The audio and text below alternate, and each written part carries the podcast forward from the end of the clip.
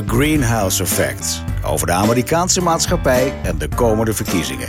Ik ben Victor Chevoyer. Samen met Charles Groenhuizen is dit dus The Greenhouse Effect. De cliffhanger van de vorige keer ging het over het bevolkingsregister... wat in de Verenigde Staten blijkbaar een hele onbekende is. Ehm, hallo Charles, we zijn er weer. Hallo daar. Wat wil jij weten over, wat wil jij kwijt over een bevolkingsregister? En ik vond een hele mooie die je aan het einde maakte van de vorige podcast. Want daar zei jij dat eigenlijk de verkiezingen anders gelopen waren als daar wel een fatsoenlijk bevolkingsregister was. Ja, Donald Trump zou geen president geworden zijn. Is mijn stellige overtuiging. Als ze gewoon hadden wat wij hier ook hebben, overal in Europa, gewoon een normaal bevolkingsregister. En dat Vertel. Hebben ze niet. Dat hebben ze niet, want nou, hoe gaat dat daar? Ik maak ook nog even een lijntje naar de vorige keer over wapenbezit. Amerikanen zijn... Uh, ik neem er even een aanloopje, de mag hè? Dat is het aangename van zo'n podcast, dat, je een aanloopje mag nemen. Je kunt gewoon je, je eigen ding doen. Kijk, uh, een van de kwesties rond uh, wapenbezit... waar we de vorige keer uitgebreid over spraken... is het registreren van een vuurwapen. Wat is nou normaler dan wanneer je een vuurwapen koopt? Dat is echt op afstand het gevaarlijkste huishoudelijk voorwerp... wat je kunt aanschaffen. en de bedoelingen zijn ook, zijn ook bijna altijd gewelddadig kan zelfverdediging zijn of uh, akeliger enzovoort. Uh, en een van de grote discussiepunten daarbij is altijd geweest als het gaat om de wapenlobby en de, de, de, de gun control mensen, de mensen die dat willen beperken, is het registreren van vuurwapenbezit. Ja. En het is zo omstreden omdat dat, de vorige keer werd daarover gehad, die Amerikaanse mentaliteit van vrijheid. En bij die vrijheidsmentaliteit hoort, in ieder geval bij grote groepen Amerikanen, een diep en ongeneeslijk wantrouwen tegen alles wat overheid is. Ja. Weer even dat, dat Marlboro tot, tot in de kern, hè? Ja, haal weer even toch die plaatjes van die Marlboro-reclame tevoorschijn... en dan snap je een beetje waar dat vandaan komt. Dat is allemaal romantiek en flauwekul natuurlijk, maar die romantiek is er wel. Ja. Dat is eigenlijk nooit goed gelukt om die wapens te registreren. Zodat, als er, noem eens wat, er wordt een moord gepleegd... en de politie vindt het vuurwapen en die leest het serienummer... en van, oh, dan eens even kijken, in de computer intikken... en dan kun je precies zien, is ooit gekocht door die en doorverkocht enzovoort. Dat is voor de wapenlobby onbestaanbaar.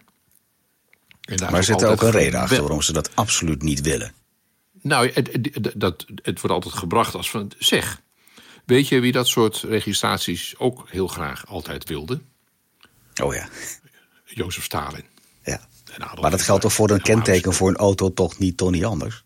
Nee, maar daar kun je geen mensen mee doodschieten. Nee, je kan je wel mensen mee doodrijden. Ja, nou, liefst zouden ze waarschijnlijk hun auto ook niet registreren. Nee. Of ook geen uh, jachtvergunning aanvragen. Of een uh, vergunning om uh, in, in de gracht aan de overkant te mogen vissen. Of weet ik veel. Je, je staat natuurlijk op duizend plekken sta je geregistreerd. Alleen deze is altijd politiek buitengewoon Heel gevoelig. gevoelig geweest. Het is extra lastig om het uit te voeren op het moment uh, dat je realiseert dat Amerika bijvoorbeeld ook geen uh, bevolkingsregister heeft, wat jij net terecht aanduidde. En dat heeft een vergelijkbare uh, oorsprong in het Amerikaanse denken. Mm. Kijk, Amerikanen staan bij allerlei dingen natuurlijk geregistreerd. De school waar je kinderen naartoe gaat, je hebt Social Security, hun, hun AOW-systeem, uh, je belastingen. Maar het is niet gekoppeld ik heb Amerikanen wel eens uitgelegd dat wij in Nederland DigiD hebben. Ja. What DigiD? Nou, dan legde ik uit dat daar eigenlijk zo'n beetje alles in zit. Gewoon de overheidsdingen, waar je woont, de Belastingdienst zit erin. Volgens mijn huisarts zit erin. Eindeloos veel dingen. Eh, eh, de RDW, uh, het CBR, je kunt het zo gek niet bedenken. Het zit allemaal in DigiD. Charles, that's horrible. Amerikanen denken van, mijn god, daar moet je toch niet aan denken... dat één zo'n systeem, dat ene digid.nl of digid.org, weet ik veel... dat die al die kent. gegevens daarin zitten. Ik zeg, ja, maar het is wel, het is wel goed afgescheiden, hoor. De RDB kan niet zo bij het CBR of bij de Belastingdienst kijken. Maar, Are you sure? Ja, weet je dat, wel heel zeker? En dan hebben wij de neiging, Victor, om te zeggen... nou, ik vertrouw erop dat het op een redelijke manier beschermd wordt. Bovendien, de voordelen van zo'n systeem zijn altijd nog veel groter... dan de mogelijke nadelen. En tot nu toe is dat volgens mij ook redelijk onomstreden, het DigiD-systeem. En wat zou nou mooier zijn dat je in Amerika zo'n soort systeem zou hebben... en een van de portals daarin, zoals je huisarts of het CBR enzovoort... zou zijn wapenbezit. Ja. Uh, zoals je auto geregistreerd is of je kind op school, weet ik veel. Ondenkbaar. Dus het is ook op het moment dat je mensen gaat registreren met vuurwapens, is het ook in de uitvoering wel tamelijk lastig, omdat je nergens op kunt terugvallen. Uh, en het heeft uh, dus heel erg die achtergrond van op het moment dat je dat registreert, eh, kun je het ook gaan aanpakken. En de volgende ultra-linkse Bernie Sanders... Ja, stel dat Bernie Sanders echt aan de macht zou komen. Ja, ja. They, they're coming after your guns.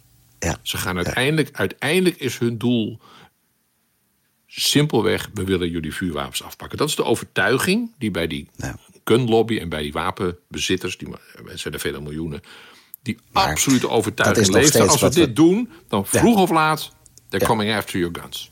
Maar dat is allemaal angst. We hadden de vorige podcast en de podcast ervoor ook al over. Dan, dan, dan mag je bijna concluderen dat de Amerikaanse samenleving eigenlijk een hele angstige samenleving Ja, is. maar zo definiëren ze het niet. Ze definiëren het en, en, en, en beargumenteren het vanuit het genot van het ultieme streven naar vrijheid. Ik heb de vrijheid om vuurwapens te hebben. Ook al woon ik in, op 12 hoog eh, in het centrum van Hub. Dat je denkt van. Ja, nou, wat moet je met een vuurwapen? Als je nou eh, ergens, ergens ver weg op de prairie van Texas... en er komt een of andere moloot eh, aanrijden die akelige bedoelingen heeft... kan ik me kan het een beetje nog, voorstellen. ja. Maar de meeste mensen is dat natuurlijk helemaal niet het geval. Maar het, uit- ze zullen het nooit definiëren als van... ja, maar ik ben bang dat. Ze zullen het altijd definiëren, eh, ook in de politieke propaganda van de NRA... de grote wapenlobbyorganisatie... zullen ze definiëren als wij... Voor, voor ons zijn die vuurwapens en de weigering om dat te laten registreren Ja. past in ons ultieme en bewonderenswaardige en oer-Amerikaanse vrijheidsstreven. Blijft. Ja, precies. Blijft, voor mij blijft dat heel eng hoor. Hey, maar in de start van de podcast hadden we het over het bevolkingsregister. Waarvan jij de bewering eh, durfde te maken van... joh, Ja. als die daar wel geweest was... dan hadden Ja. we nu geen Donald Trump eh, met... eh, nou, Ja. vertel. Maar ik, weer een heel klein aanloopje. In Amerika is een van de gevolgen van het niet hebben van een bevolkingsregister dat er geen kiesregister is. Zoals jij en ik keurig bij de gemeenteraad en bij de provinciale staat en de Tweede Kamer en het waterschap en, enzovoort. Krijgen jij en ik keurig een stemkaart in de bus. eh, waar je op de betreffende dag je kunt vervoegen om je stem uit te brengen. En de mogelijkheid om per post enzovoort. Nou, allemaal keurig geregeld. Ja. Ondenkbaar in Amerika. Omdat ze een bevolkingsregister niet hebben. Ze weten helemaal niet hoeveel mensen er wonen. Dat weten ze gewoon niet. Eh, Dat is onbekend. Omdat het nooit ergens geteld wordt. Dus bij verkiezingen eh, kun je niet anders doen dan tegen mensen zeggen: u mag kiezen als u zich als kiezer registreert. En daar zit de ellende. Op het moment dat je je als kiezer registreert. eh, dan, dan, dan kun je, als je 18 jaar bent en geen strafblad hebt enzovoort, want dat die zijn allemaal uitgesloten, dat is allemaal heel ondemocratisch. Maar op het moment dat je je registreert als kiezer, dan, dan kun je meedoen. maar maar hoe het kun je dan aantonen dat jij dan jij bent? Ja, en, en da- da- dat is op zich al een geweldig probleem. En daar wordt ook mee gerotzooid bij het leven. Een van de kwesties is bijvoorbeeld, hoe legitimeer je? Nou, jij Ja. en ik hebben een rijbewijs en een paspoort en weet ik wel maar niet. Maar niet iedereen heeft dat soort keurige eh, legitimatiebewijzen. En soms zijn ze ook verlopen. Of staat er door allerlei gedoe staat er een, een spelfout. eh, bijvoorbeeld, jij, hebt- jij, hebt- jij, heet, jij heet Chevalier. Dat is een Franse naam. Dat is niet gebruikelijk. Dus er zal in jouw naam zal wel eens een spelfout gemaakt worden. Als mensen jou een brief sturen. Schat ik zo. Eh, Groenhuizen met HU, lange ei, gaat ook wel eens mis. Stel dat Ja. op de lange ei van Groenhuizen geen puntjes staan. Er staan nu puntjes op. Eh, dan kom ik eh, bij het kiesregister en zeg ik wil me graag registreren. Hoe was de naam? Charles Groenhuizen. En ze oh ja, nee, maar hey, er staan geen puntjes. Nee, maar dan, nee, nee, sorry, dan kan ik u niet registreren. Dat soort stommigheden, even los is wat ik al heel terzijde noemde, alle intussen vrijgelaten misdadigers die meestal uitgesloten zijn. Eh, Ja, maar, maar, dan, maar, dan, eindeloos. maar Dus- dan snap dus- ik nog één ding niet. Want dan kom jij daar dan aan om, om, om jou eh, eh, om je te kunnen regi- registreren. Dan moet je toch wel kunnen aangeven waar je dan woont en wie je vader en je, en je moeder was en zo. Is dat, Nee, dat, dat hoe wordt dat dan vast, niet. vastgelegd? Nee, wat, wat, het, het, het verschilt per staat. Zoals alles in Amerika per staat verschilt. Dus alles wat ik nu zeg is generaliserend. Je kunt in een aantal gevallen kun je bijvoorbeeld volstaan met een aantal rekeningen te laten zien. Van op naam van meneer Chevalier of meneer Groenhuizen. eh, je elektriciteitsrekening. eh, dat je eh, de post krijgt enzovoort. Dus Maar dat legitimeert je dan dat je daar mag wonen dan blijkbaar? Afhankelijk van de staat, maar, en dan komt de ellende. In heel veel staten zijn de regels zo streng dat heel veel mensen er eenvoudig niet aan kunnen voldoen. en zich dus niet kunnen registreren. Er zijn onderzoeken gedaan waarbij blijkt dat miljoenen, echt miljoenen mensen, om weet ik wat voor bureaucratische redenen, van de kieslijsten zijn afgevoerd. Dat soms niet eens weten. Want omdat er geen bevolkingsregister is, is er ook niemand die jou een briefje stuurt. Zegt, God, meneer we hebben u van de lijst afgevoerd. Dat weet je helemaal niet. Dus je gaat stemmen. En dan zeg je, ja, mevrouw, meneer, u staat helemaal niet op de lijst. En dat, dat gaat dus om miljoenen, miljoenen kiezers. Daar komt nog bij dat die malle registratie ook door eh, het gerotzooi met grenzen van kiezers. Dat is een beetje technisch, ik je die mee vermoeien mm. verder. Maar al die beperkingen zijn vooral in het nadeel van lager betaalde, lager opgeleide ja, Amerikanen. En daar zit, daar zit natuurlijk bij uitstek zitten, zit de democratische aanhang. Ook mensen van minderheden, die vaak ook tussen aanhalingstekens rare namen hebben met spelfouten enzovoort. Het gaat maar door. En dat gaat om miljoenen stemmen. Als je dan even bedenkt dat Donald Trump in 2016 uh, uh, in een paar staten enkele tienduizenden stemmen meer had dan Hillary Clinton. En daardoor mm. uiteindelijk won en Hillary Clinton verloor. Ja. Ja, Als die regels wat normaler waren geweest en het makkelijker was gemaakt voor Amerikaanse burgers om te stemmen, ben ik ervan overtuigd dat dat sterk in het voordeel was geweest van Hillary Clinton. En dat we nu niet met Donald Trump in het Witte Huis zouden zitten. En dat is mijn boogje van de bevolkingsregister. conclusie eigenlijk. Donald Trump. Ja, ja. ik had die. Het, gaat het, het, het verandert wel een beetje. Er zijn wel allerlei rechtszaken ook om dit soort gekkigheid voor een deel te voorkomen. Maar ook rechters zijn in een aantal gevallen weer politiek benoemd. Hè? Dan krijg je hetzelfde gedonder. Ja, ja, precies. Maar er is dus nu ook niet iets, iets politieks actief waar een nieuwe wetgeving bezig is om te zeggen: van, dat moeten we in 2025 maar eens een keer mee klaar zijn. Dat, laatste, het eerste wel, het laatste niet. Ja, er is een beweging gaande. In 2025 zal het niet opgelost zijn. Er zijn wel veel staten. Het gaat ook van deel tot en met het Hoge Rechtshof waarbij dit soort beperkende regels, discriminerende regels, ondemocratische regels worden aangevochten door allerlei organisaties. Er zijn heel veel uh, get-out the vote organisaties, zeg ik even simpel, die, mm. die ervoor pleiten om de toegang tot gewoon het democratische recht om te stemmen, om dat te vergroten, te vergemakkelijken.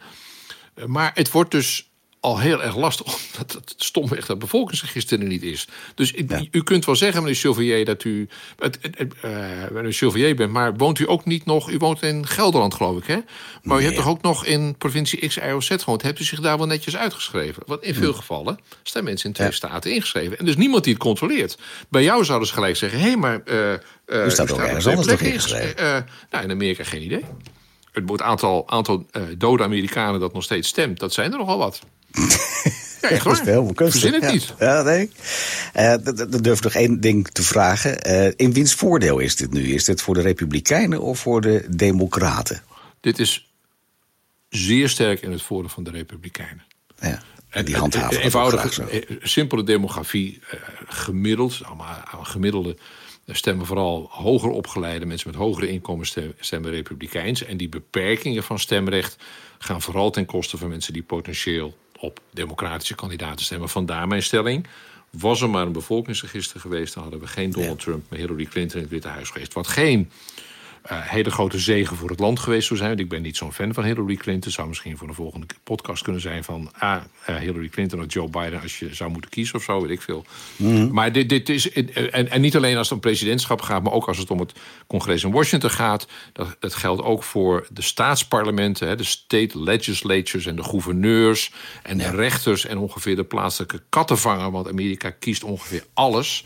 Dus het heeft zeer vergaande gevolgen. Het, het, het resultaat is uiteindelijk dat in Amerika, wat zegt we zijn de grootste en oudste democratie ter wereld. Nou, daar kun je historisch nog wel iets op afdingen.